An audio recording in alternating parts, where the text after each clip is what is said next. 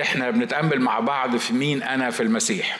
والمقدمة اللي مش مملة اللي أنا بقولها كل مرة هي إن أنا محتاج إن أنا أعرف مين أنا في المسيح علشان أقدر أعيش صح. أنا مش ممكن أعيش صح في الحياة الدنيا في الأرض على الأرض إلا لما أعرف أنا مين في المسيح. لما أعرف أنا مين في المسيح أعرف إن أنا I don't belong للعالم اللي أنا عايش فيه ده إن أنا في العالم لكن زي ما قال الرب يسوع أنا لست من العالم. ليه؟ لأن أنا عندي إمكانيات المسيح وأنا عايز أعرف أنا مين في المسيح لأن العدو دايما عنده خطة نجحت كتير مع الكثيرين ولسه بتنجح وهي إنه يبعدني عن أنا مين في المسيح. ويخليني أركز عن أنا مين. من غير المسيح. ولو ركزت على أنا مين من غير المسيح تأكد إن أنت وأنا هنفشل. ليه؟ لأن إحنا في المسيح إحنا شيء لكن بره المسيح إحنا لا شيء. أمين؟ واتكلمنا في المرة الماضية عن أنا في المسيح مدعو إلى مجد أبدي. وقلنا إن دعوتنا ما هياش إن مجرد نبقى مؤمنين. ولا هياش إن إحنا مجرد نبقى كنيسية. ناس يجوا يقعدوا في الكنيسة ويرنموا ويسقفوا ويدفعوا العطا وياخدوا بعضهم ويمشي. دي مش الدعوة بتاعتنا. إحنا الدعوة بتاعتنا إحنا مدعوين إلى مجد أبدي. وده موجود في رسالة بطرس الأولى أصحاح خمسة وعدد عشرة لما بيقولوا اله كل نعمة الذي دعانا إلى مجده الأبدي. في المسيح يسوع بعدما تألمتم يسيرا هو يكملكم ويثبتكم ويقويكم ويمكنكم. وقلنا إن الدعوة اللي جات لنا ديا جات لنا باكج على بعضه. فاكرين الكلام ده مش كده؟ ها؟ ولو مش فاكره ممكن ترجع لليوتيوب ولا الساوند كلاود ولا ال website whatever ال application اللي عايز تشوف فيها تقدر تسمع الكلام ده. الدعوة دي الدعوة في المسيح يسوع دي package ليه؟ لأنه إحنا مدعوين لمجد أبدي لكن وإحنا عايشين في الأرض بيكملنا لأنه عارف إن إحنا بلاش إن إحنا عارف إن أنا ناقص من غيره وبما أني ناقص فأنا محتاج حد يكملني. يعني أنا زي ما بيقولوا في علم الحساب صفر على الشمال فأنا محتاج واحد يتحط جنبي عشان أبقى بدل ما أبقى صفر أبقى عشرة. فهو لأنه عارف إن أنا من غيره ناقص وأنا صفر فعشان كده هو بيقف جنبي عشان يكملني علشان نبقى عشرة على عشرة. آمين. ويثبتكم ويقويكم يخليكم ثابتين على الحق اللي إحنا بن بنسمعه وبنقوله وبعدين يقوينا عشان نقدر نعمل الحق ده ويمكنكم مش بس يثبتكم ويقويكم لكن يمكنكم يديكم الإمكانية على إن أنتوا تعملوا الحاجة اللي بتعملوها بيرفكت تبقى متمكن. عارف لما نقول فلان ده متمكن في في السواقة فلان ده متمكن في كذا؟ الروح القدس يمكنني يخليني متمكن في في الحياة مع المسيح بحيث إن أنا أبقى فرحان بالمجد الأبدي. أنا فرحان إن أنا ليا مجد أبدي. آمين؟ ماليش حياة في الأرض زايلة كده وخلاص. ماليش يعني عطايا في الأرض وانتهت. الحاجة اللي بعد كده أنا في المسيح محبوب من الله. زي ما الأسيس هاني قالها مرتين على في التأمل بتاعه. أنا محبوب من الله. الرسول بولس هنا في رومية 8 وعدد 39 بيقول ولا علو ولا عمق ولا خليقة أخرى. تقدر أن تفصلنا عن محبة الله التي في المسيح يسوع ربنا. أنا في الله محبوب أنا في المسيح محبوب. أنا ما اتحبش باختصار كده عشان ما نطولش في نقطة بسيطة. أنا ما اتحبش الحقيقة. لما حب أشعية يوصف أنا مين؟ والخليقة مين؟ قال كل الجسم سقيم كل الجسد عقيم. ضربة طرية لا تعصر ولا تعصب ولا تلين بالزيت. حاجة مرميين على على الطريق بكراهة نفوسنا. يوم ما ولدتنا أمنا أمنا دي الأرض. يوم ما ولدتنا أمنا والطبيعة الأرضية ما حدش زي ما قال الكلام ده كلام الكتاب مش كلامي أنا. ما حدش قمطنا ما حدش قطع سرتنا. لكن مسكونا كده وراحوا رمونا بالدم بتاعنا زي ما جينا بالدم بتاعنا. ما أعرفش أنت شفت البيبي بتاعك ولا لأ لما جبتيه؟ بصراحة كان شكله مقرف مش كده؟ الواد تيمي اللي شكله زي العسل دلوقتي والواد أندي اللي شكله جميل يعني ما كنتش تقدر تبص له. ليه؟ لأن أنا كنت موجود في أوضة العمليات وشفت القصة دي. الواد ما كنتش تقدر تبص له. ليه؟ لأنه مقرف. صح اللي أنا بقوله؟ فهي فاول حاجة عملوها خدوه نضفوه مش كده ولا إيه؟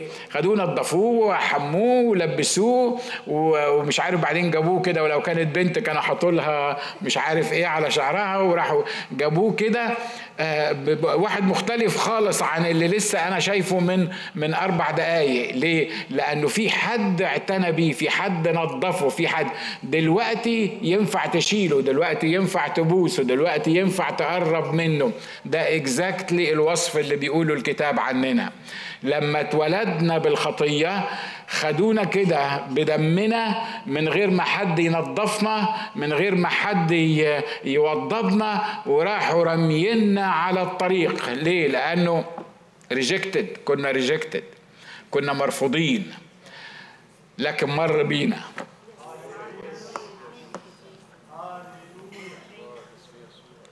الكتاب بيقولوا كان زماننا زمان.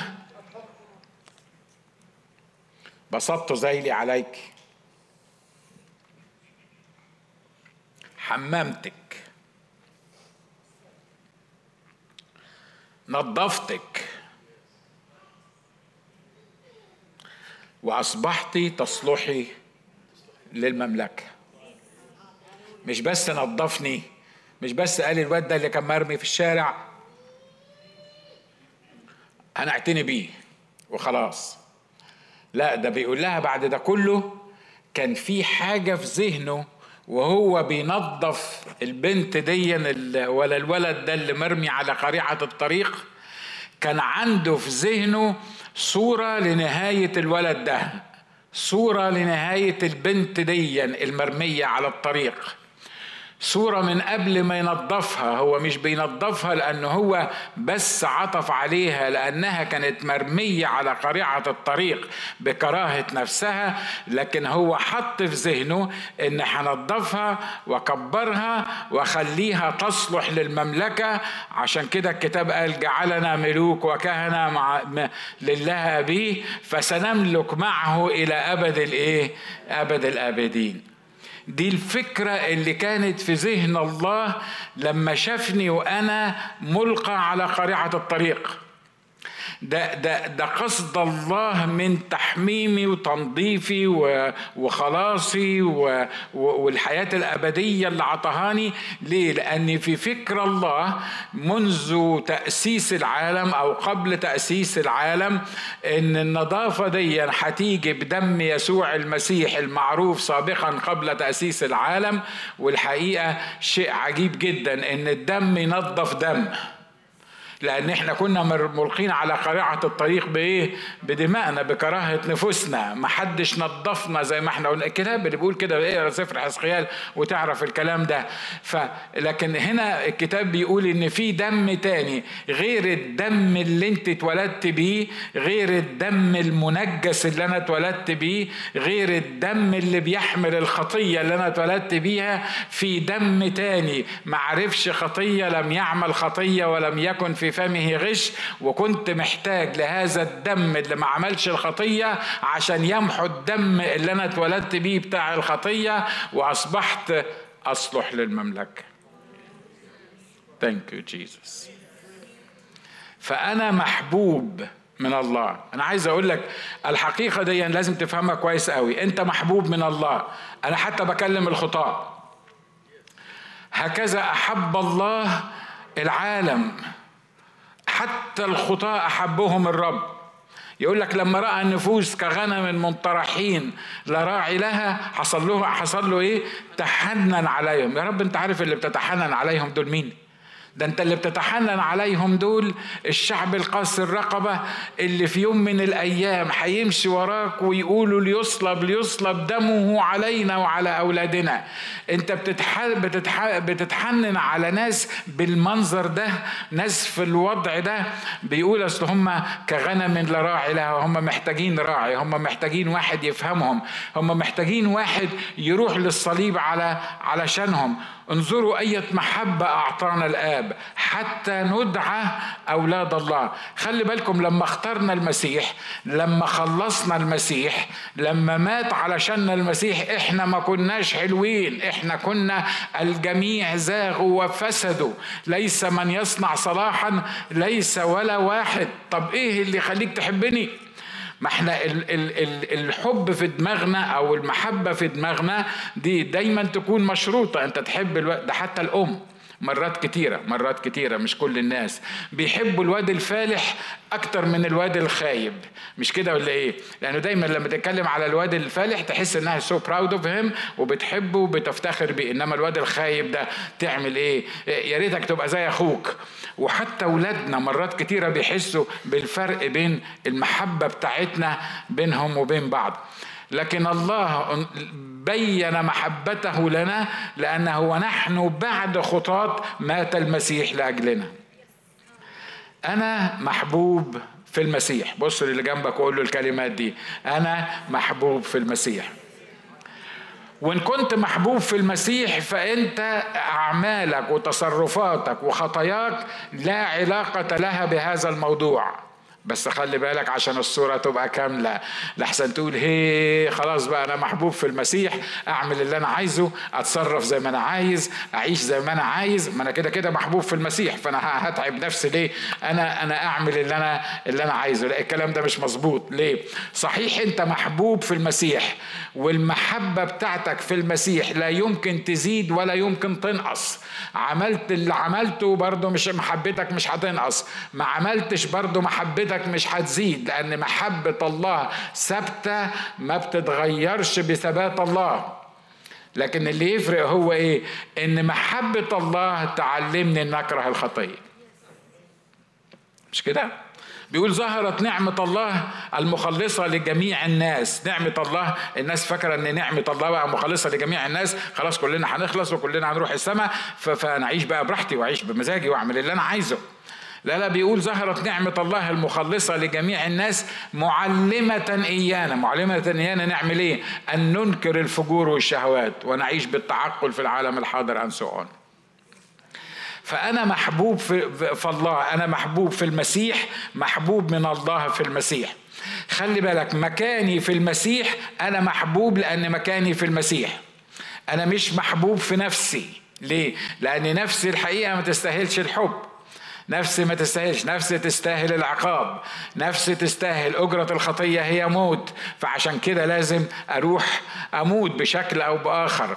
لكن أنا في المسيح محبوب. ليه؟ لأني لما مت مع المسيح أنا اختفيت في المسيح. بقيت المحبة الموجهة من الله موجهة للمسيح وبالتالي لأني أنا في المسيح فأنا محبوب. تطلع بره المسيح فأنت مش محبوب. أمين؟ بس خلي بالك أنت لسه قايل دلوقتي معلومة يعني تبدو إنها عكس اللي أنت بتقوله دلوقتي. أنت بتقول إنك أنت محبوب قبل تأسيس العالم والمسيح مات وإحنا كل بعد خطاه كلنا ميتين يعني بالذنوب والخطية. أمال دلوقتي أنت بتقول إزاي إنك أنت مش محبوب لو ما كنتش في المسيح؟ خلي بالك في فرق بين محبة الله هكذا أحب الله العالم حتى بذل اللي خلاه دفع ابنه الوحيد علشان تتخلص. لكن لما تبقى في المسيح انت محبوب زي ما المسيح محبوب من الله الآب انت محبوب من الله لأنك في المسيح. مش لأنك انت لوحدك منفصل لوحدك لا. انت لو ما كنتش في المسيح مش هتبقى محبوب الحب اللي بيحبه الله الآب للمسيح. والموضوع مش مقدار ومش موضوع يعني قد إيه الحب اللي بيحب الله للمسيح وأنا عارف إن أنا دخلت في حتة يمكن تكون يعني بعضكم محتاج شرح ليها لكن اللي أنا عايز أقوله إن الله الله ما بيكرهش حد. آه، مش المؤمن الضعيف عنده بيكرهه والمؤمن القوي بيحبه. والكلام ده مش موجود في الكتاب الكلام ده مش موجود عندنا في المسيحية. لا الله بيحب العالم كله. لكن لما تبقى في المسيح محبة الله تتجه ليك هي زي محبة المسيح بالظبط زي محبة الآب للابن بالظبط. ليه؟ لأن أنا في الابن وهو بيحب الابن وبيحبني أنا في الابن فأنا محبوب بنفس محبة ونوعية ال ال الابن بالظبط. لكن لو أنا مش في الابن أنا برضو محبوب. لكن أنا محبوب بعيد عن المسيح كالخليقة. في فرق بين إن أنا أحب ابنك وفي فرق بين إن أنا أحب ابني. مش كده ولا إيه؟ ها؟ بحب ابنك بحبه جدا. راجل محترم وكويس وأحب أقعد معاه وأحب أتكلم معاه وأخاف عليه ولو حصل له حاجة أفضل يعني يعني هبقى فعلا تعبان لو لو يعني الولد حصل له حاجة. لكن معلش سامحني ما أقدرش أحب ابن أي حد زي ما بحب ابني. مظبوط الكلام اللي أنا بقوله ده؟ ما أقدرش ما أقدرش مش في طبيعتي مش ما, ما أقدرش اعمل كده. عشان كده إحنا محبوبين لأن إحنا أولاد في المسيح. إحنا محبوبين كخطاة. هكذا احب الله العالم للدرجة ان هو بذل ابن الوحيد لاجلنا وإحنا خطاة. لكن لما ابقى في المسيح أنا محبوب ومتصل بالله الاب زي بالظبط محبة الله الاب للمسيح. امين؟ والكتاب هنا الرسول هنا بيقول ولا علو ولا عمق ولا خليقة أخرى تقدر أن تفصلنا عن محبة الله التي في المسيح يسوع. خطاياك لما تبقى شخص مؤمن وتعمل خطية محبة الله مش متوقفة على تعمل خطية ولا ما بتعملش خطية. أنت معايا؟ افهم الحتة دي كويس عشان عشان خاطر يسوع مش عشان خاطر أنا.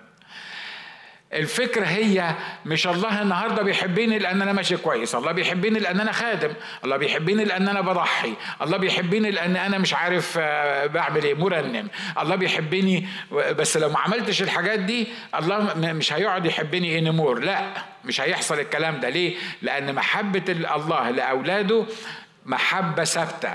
ومفيش حاجة تقدر تفصلنا عن محبة الله اللي لينا في المسيح يسوع مهما كانت الحالة بتاعتنا. أمين؟ بس عشان نختم النقطة دي لأن أنا عارف إن مرات وقلت لكم الكلام ده كتير إحنا بتلزق في دماغنا آخر كلمتين.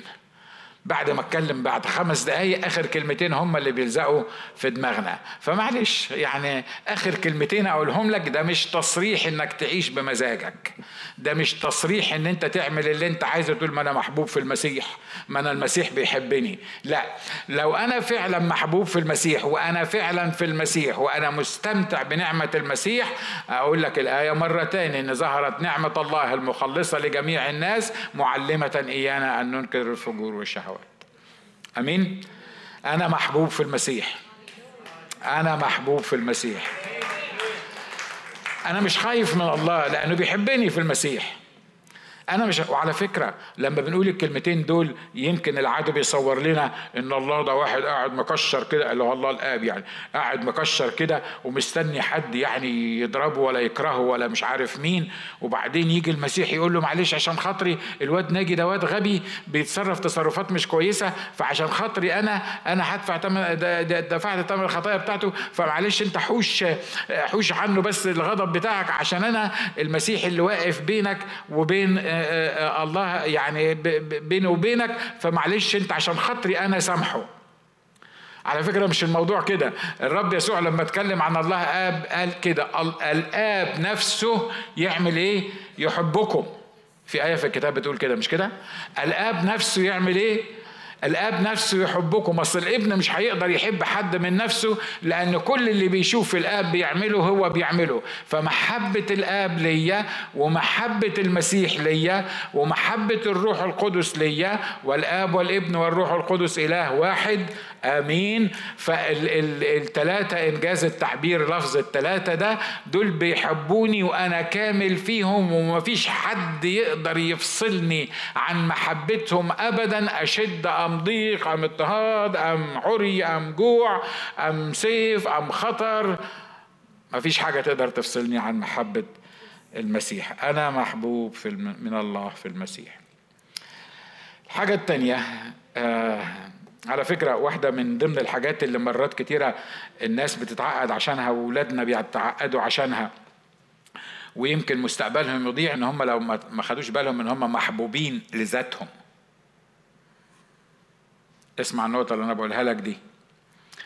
مرات كتيرة إحنا بنصور لأولادنا أنا بحبك لأن أنت شوف أنت عمل حاجة حلوة. حبيبي تعالى ماما بتحبك. فمن كتر ما قلت له ماما بتحبك لما عمل حاجة كويسة يعني أو كده فبقي الحب في دماغ الواد مرتبط بإيه؟ ماما بتحبني لأن أنا عملت كذا. ماما بتحبني لأن أنا عملت كذا بابا بيحبني لأن عملت كذا. لكن لو أنا منعت أو وبخت أو عملت حاجة يبقى بابا ما بيحبنيش. صح اللي أنا بقوله ده ولا ولا ولا يعني أنا عايش في مركب لوحدي. متهيألي كلنا كده مش كده؟ عشان كده ارتبط في دماغنا الحب ده باللي إحنا بنعمله باللي إحنا بنقوله بإرضاء ماما بإرضاء بابا. ولو أنا ما عملتش كده التعبيرات بتاعتهم بتقول إن هم ما بيحبونيش قوي. هم بيحبوا أخويا أكتر مني بيحبوا أختي أكتر مني. آه بيحبوا أخويا عشان ده الولد. هم طبعا لازم يحبوا. إحنا شرق أوسط يعني بنحب آه, آه، بيحب أخويا أكتر مني عشان أخويا الولد وأنا البنت فعشان كده هم ما بيحبونيش زي بتاع. كل الكلام ده لما تيجي عند الرب الكلام ده ملوش أي قيمة لأن الله بيحبك. ولد بنت خاطي حلو وحش بيحبك لأن هو حبك في المسيح لأنك أنت بقيت في المسيح واللي في المسيح بقي خليقة جديدة هو بيحبك لذاتك. آمين؟ وده لما بتعرف الحكاية دي بتحس إن أنت إن أنت ليك كيان. تحس إن انت إن أنت واحد مهم. تحس إن أنت الله نفسه بيحبك. الله نفسه بيحبك محبة غير مشروطة. أنا في المسيح منتصر كل حين. نفس الكلام اللي قلناه عن المحبة نقوله عن إيه؟ عن الانتصار. بيقول ولكن شكرا لله الذي يقودنا في موكب نصرته في المسيح كل حين. واخد بالك من الثلاث حاجات دول؟ شكرا لله الذي إيه يقودنا في موكب نصرته.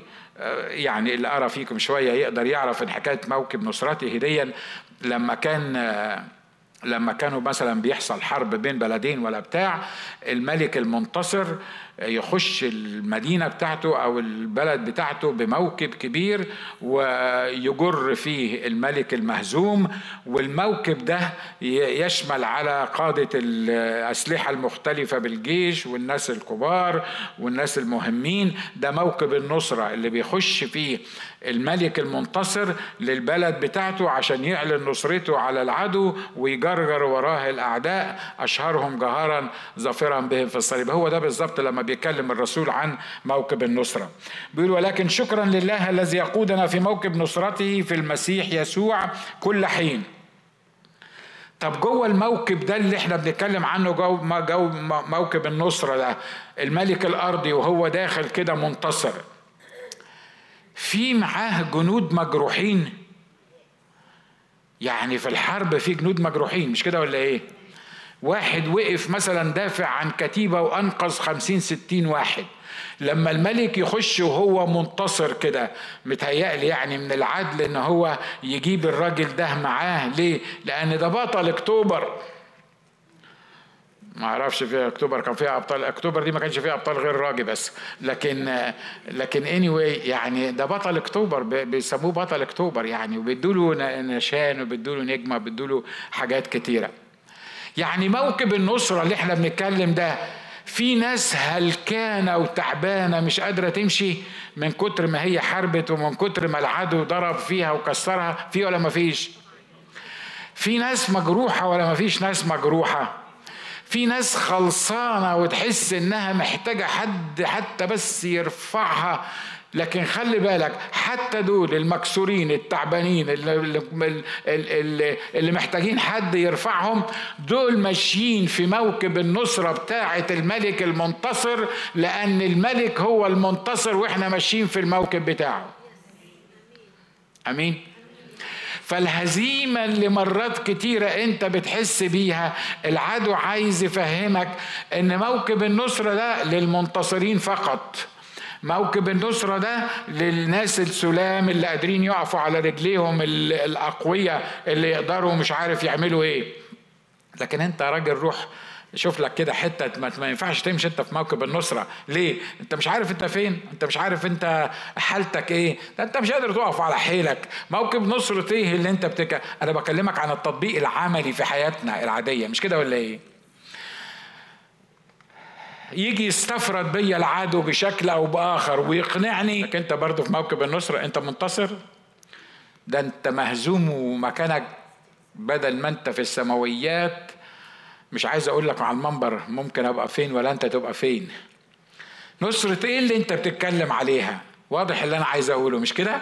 ها؟ انت في الموقف ده منتصر انت في الحالة دي منتصر انت في الرد ده منتصر انت في الخناقة دي منتصر انت في الاحتياج ده منتصر انت في المرض ده منتصر. ولما يقول لنا الكلام ده عايز أطمنكم إن عدد قليل جدا اللي فاهمين القصة دي هم اللي يعرفوا يردوا على إبليس ويقولوا له أنا منتصر مش في ذاتي لكن أنا منتصر في المسيح يسوع لأني أنا بمشي في موكب النصرة بتاع المسيح يسوع مش موكب النصرة بتاعي أنا. عشان كده لازم نفهم الأمور الروحية. هنا بيقول ولكن شكرا لله الذي يقودنا في موكب. ما قالش في موكب النصرة. قال في موكب إيه؟ في موكب نصرته. أنا مهزوم. أنا اتهزمت من العدو. أنا أنا أنا اتحكم عليا بالموت في العدو.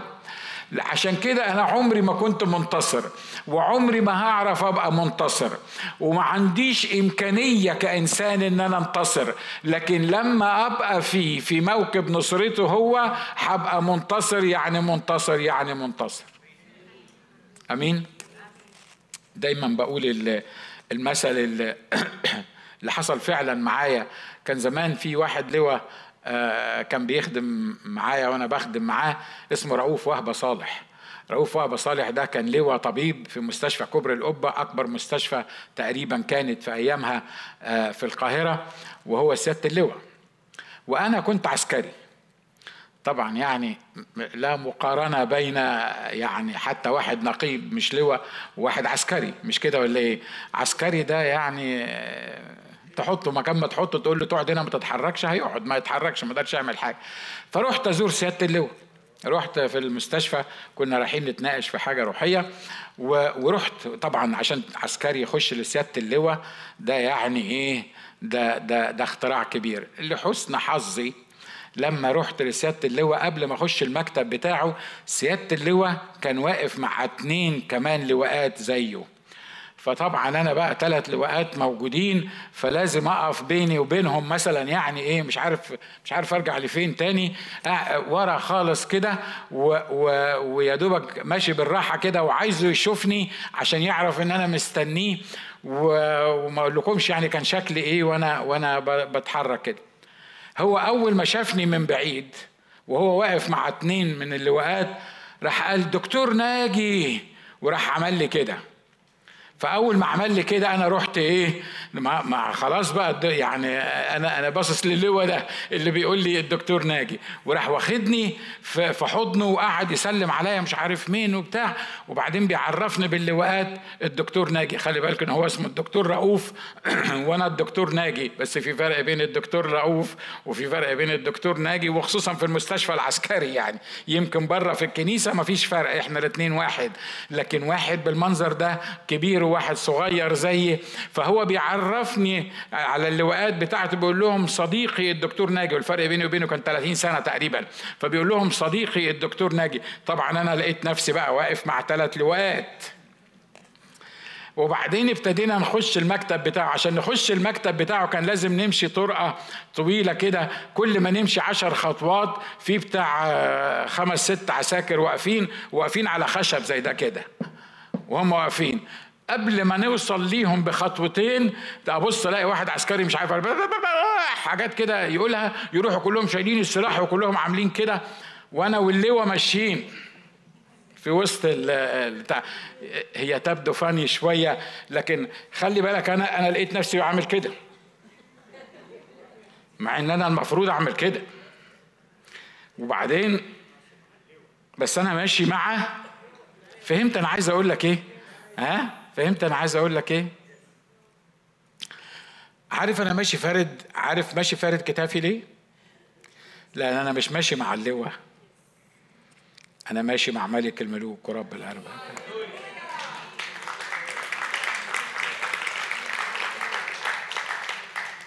أنا منتصر فيه. أنا عمري ما كنت منتصر. لا قبل ما اتجدد ولا بعد ما اتجددت. أنا عارف نفسي. أنا مش منتصر لأن دي حقيقة حقيقتي طبيعتي البشرية. ما ينفعش انتصر. لكن هو لما انتصر على الصليب رغم إن الناس مش فاهمة إن هو انتصر على الصليب واللي كانوا واقفين حوالين الصليب كانوا شايفين ان هو ضعيف على الصليب وكانوا بيقولوا له خلص نفسك وإيانا اللي كانوا مصلوبين معاه. والناس اللي كانت فايتة قدام الصليب بتقول له يا ناقد الهيكل وبنيه في ثلاثة أيام ما تورينا انزل على الصليب علشان نؤمن بيك. فشكله على الصليب مش منتصر.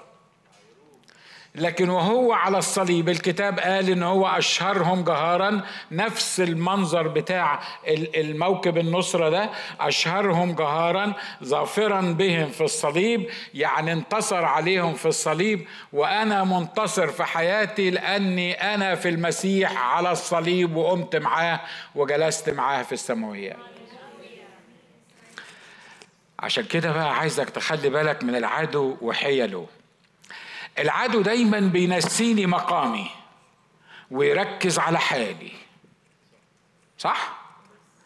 دايما ينسيني الحقيقة ديا إن إن هو بيقودني في موكب نصرته كل حين. خلي بالك من كل حين. كل حين معناها إن وأنا ضعيف وأنا قوي. معناها إن وأنا آه، عامل خطية وأنا مش عامل خطية. معناها وأنا استاهل وأنا ما استاهلش. أنا ما استاهلش anyway في كل الأوقات. فهو بيركز على حالتي وبيحاول يقنعني إن أنا مش منتصر والكلام بتاع الكتاب ده كلام مش مظبوط لأنك بص لنفسك وأنت تعرف إنك مش منتصر مش محتاجة يعني فتاوي. لما تبص لنفسك وأبص لنفسي وعيشتي وحالتي اللي أنا فيها مستحيل أقول على نفسي منتصر. منتصر إيه يا ابني؟ ده انت ده انت ده أنت يعني يعني مش عارف أقول إيه على المنبر. وبينسيني أنا مقامي فين؟ بينسيني إن أنا حتى وأنا في أسوأ أحوالي أنا منتصر في المسيح.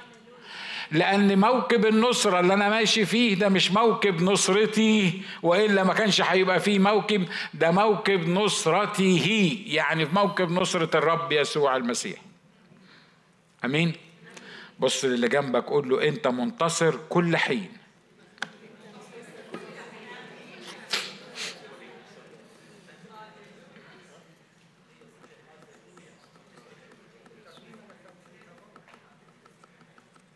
أنا منتصر كل حين طب إيه اللي مطلوب مني؟ مطلوب مني حاجة واحدة بس. أتواضع وأفهم إن الموضوع مش أنا الموضوع هو. دي حاجة. الحاجة التانية إني أصلي أقول له يا رب خلي مقامي ينطبق على حالي. يا رب أنا بصلي إن حالي يكون بالظبط زي مقامي. زي ما مقامي أنا منتصر فيه كل حين أنا عايز حالي يكون منتصر فيك كل حين.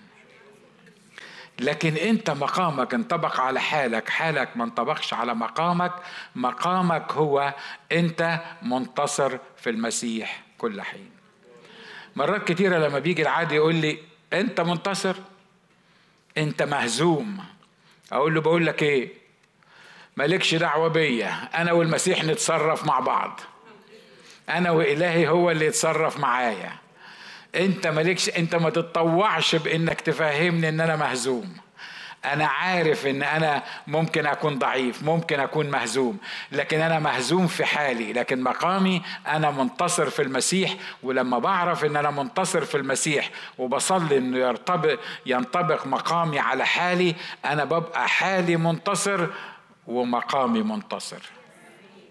آمين. وعلى فكرة موضوع الانتصار ده مرتبط بحاجات كتيرة. موضوع الانتصار ده مرتبط بالفرح. مش كده ولا إيه؟ واحد مهزوم مش هيبقى فرحان. مش كده ولا إيه؟ واحد مهزوم مش هيبقى عنده إيمان. يعني يقدر يعمل بيه أي حاجة. المهزوم ده يجي الكنيسة بالعافية. وبعدين لما ما يعني ما يجيش يتلكك. يقول لك إيه؟ ما إحنا بنسمعك على الإنترنت. ما إحنا بن ده إحنا بنتابعك كل أسبوع. بس أنا ما بقدرش أجي الكنيسة. لما بعدين لما لما تبقى يعني حاسس إنك مهزوم تلاقي نفسك مش طايق اللي حواليك. لكن لما تعرف إنك منتصر في المسيح كل ده ما يبقالوش وجود. آمين؟ آخر حاجة نقولها. أنا في المسيح جالس في السماويات وإحنا كتير اتكلمنا في الموضوع ده. خلي بالكم كل اللي قلناه قبل كده نتيجة طبيعية للنقطة دي إن أنا في المسيح جالس في السماويات أمين؟ ببساطة لأن مفيش حد في السماويات مهزوم أنتوا معايا؟ أنا لأني جالس في السماويات مفيش حد في السماويات يقدر يوصل للسماويات وهو مهزوم اللي يوصل للسماويات ده معناها إن هو منتصر على العدو. معناها إن هو انتصر على نفسه. معناها إن هو انتصر على الظروف بتاعته. في المسيح زي ما إحنا بنقول لأن الانتصار زي ما اتفقنا مفيش انتصار بعيد عن المسيح. مفيش انتصار ابدا في أي مجال أو أي شكل أو بأي طريقة أو في أي ظروف إلا في المسيح يسوع. فلو أنا النهاردة زي ما قال الكتاب هنا في أفسس 2 6 بيقول وأقامنا معه وأجلسنا معه في السماويات. بما أني أنا جالس في السماويات فأنا منتصر.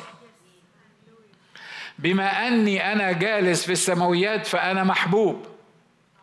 بما أني أنا جالس في السماويات فأنا لي ميراث لا يفنى ولا يتدنس ولا يضمحل. يبقى اللي عمله الله عشاننا في المسيح يسوع إنه عمل إيه؟ لما أقامه من الأموات أقامني معه. لأن خلي بالكم إحنا قلنا الكلام ده قبل كده في مرة. ساعة ما يسوع كان على الصليب أنا كنت فيه. مظبوط؟ ودي موجودة في حتت كتير في الكتاب. أنا كنت فيه. علشان كده الكتاب قال إيه؟ إنه مدفونين معه. مكتوب إن إحنا صلبنا صلبنا مع المسيح. مع المسيح صلبت. أنتوا معايا مش كده؟ فأحيا لا أنا بل المسيح يحيا إيه؟ يعني أنا اتصلبت مع المسيح. خلي بالك أنت ما اتصلبتش زي المسيح. يعني نيابة عن حد لأن أنت أصلا كنت محتاج وأنا كنت محتاج إن حد يتصلب عني. لكن وأنا في المسيح حمل هو نفسه في جسده خطايانا على الخشبة. يعني خطاياي اتسمرت في الصليب. أنا كنت في المسيح ساعة ما اتصلب. أنا كنت في المسيح ساعة ما دخل القبر. أنا كنت في المسيح ساعة ما قام لأنه مكتوب أقامني معه وأجلسني معه فين؟ في السماويات. لما حصل كده دي معناها إن كل اللي لينا في المسيح اللي اتكلمنا عنه واللي هنتكلم عنه حصل في اللحظة دي. اللي أنا قمت فيها مع المسيح وجلست في المسيح في السماويات. ومرة تاني بقول لك في السماويات مفيش حد مهزوم مش كده ولا إيه؟ ها؟ في حد مهزوم في السماويات؟ في السماويات مفيش حد هيقدر يعيرني. مش هيقدر إبليس من بره يقول أنت خاطي اللي قاعد في المسيح. أنت ناسي أنا عملت فيك إيه وناسي خليتك عملت إيه وناسي خليتك. الخطية صوت إبليس مش هيقدر يوصل لي في السماويات لأن أنا في المسيح. آمين؟ العدو ما يقدرش يقرب مني لأن أنا في المسيح. مفيش حاجة تقدر تفصلني عن محبة الله اللي في المسيح لأن أنا في المسيح وأنا في السماويات. السؤال الأخير يا ترى أنت في المسيح ولا لسه مش في المسيح بعد كل اللي سمعته ده؟ يا ترى يا ترى أنت في المسيح ولا لأ؟ اوعى تكون بالنسبة لك اللي أنا بقوله ده وعظة فهمت نصها ومش فاهم نصها التاني ولا يعني أهو الراجل كان بيوعظ ما إحنا لازم نحضر الكنيسة وخلاص ولا ولا أنت في المسيح ولا مش في المسيح؟ لو كنت قبلت يسوع مخلص شخصي لحياتك تبقى في المسيح لو ما قبلتش يسوع مخلص شخص لحياتك وعمله على الصليب علشانك تبقى مش في المسيح حتى لو كنت القسيس اللي بيتكلم على المنبر. ليه؟ لأن الموضوع مش روحيات. الموضوع إن أنا مت في المسيح وأقمت مع المسيح وأقامني معه وأنا دلوقتي جالس في السماويات. آمين؟ الكتاب بيقول إن كنا بقى في السماويات فلازم نطلب ما فوق مش كده ولا إيه؟ ها يعني كنتم قد قمتم مع المسيح فاطلبوا ما فوق. يعني إيه ما فوق ده بقى؟ آه يا رب إحنا عايزين بقى نطلب اللي فوق ده. قالوا لنا على فكرة إن في شوارع مش عارف ذهب وأبواب لؤلؤية وإحنا رب عايزين نطلب بقى الذهب ده واللؤلؤية والبتاع اللي إحنا بنتكلم عنه ده. اطلبه ما فوق دي ما بتتكلمش عن اللي انت هتشوفه لما تروح السماء لأن انت مش محتاج تطلبه لأن ده ميراث لا يفنى ولا يتدنس ولا يضمحل محفوظ لأجلك في السماويات لما تطلع كده كده هتحصل عليه. آمين. لكن هو بيتكلم إيه؟ إن كنتم قد قمتم مع المسيح بقى وأنتم ماشيين في الأرض اطلبوا ما فوق. إيه هو اللي ما فوق؟ الفوق اللي هو العشرة الحقيقية بينك وبين المسيح على الأرض ودي الحاجة الوحيدة اللي أنت محتاج تطلبها على الأرض. آمين. تقولي طب وخلاص النفوس؟ أصل خلي بالك من حاجة. لما تطلب ما فوق وتبقى مع المسيح حقيقي وفي المسيح حقيقي وينطبق حالك على مقامك ما تقدرش ما تكلمش الناس عن الاختبار اللي حصل معاك. ما تقدرش. ما نقدرش نقول لك إيه؟ ما تروح مع الأخ وميد يوم الجمعة وتقف تقول للناس عن الاختبار بتاعك. مش كل الناس مدعوين أنا عارف إن إحنا إنها تعمل الحكاية دي لحسن. لحسن الجمعة الجاية تلاقي الكنيسة كلها واقفة الناس يطفشوا منك آه، اللي, اللي يبقى ما لك بس أنا بتكلم عن عن مشاركة إيمانك. ما تقول لي أنا ما بعرفش أبشر أنا ما بعرفش أتكلم عن الإيماني. يا ابني ما تعرفش تقول إن أنا كنت أعمى والآن أبصر؟ عارف لما تمشي جنب واحد كده سي أنا ماشي جنب نهرين بقول لها عارفة نهرين؟ تقول لي أقول لها أنا كنت أعمى والآن أبصر.